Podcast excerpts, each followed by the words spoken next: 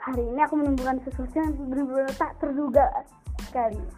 Aku menemukan bibit padi tumbuh sendiri. Aku kira rumput. Aku awalnya mengira itu rumput. Aku mencabut rumput itu.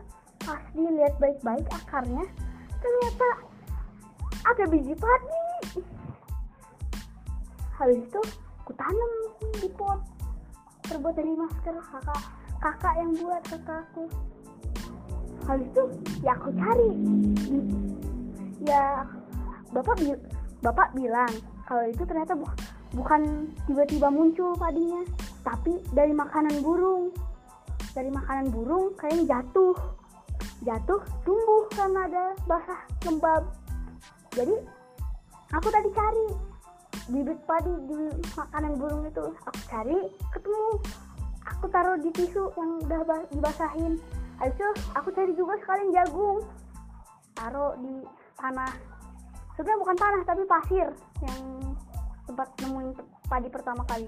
Habis itu ada kacang hijau. Tapi bukan hijau warnanya tapi hitam. Aku tanam juga. Aku sebenarnya nggak sabar.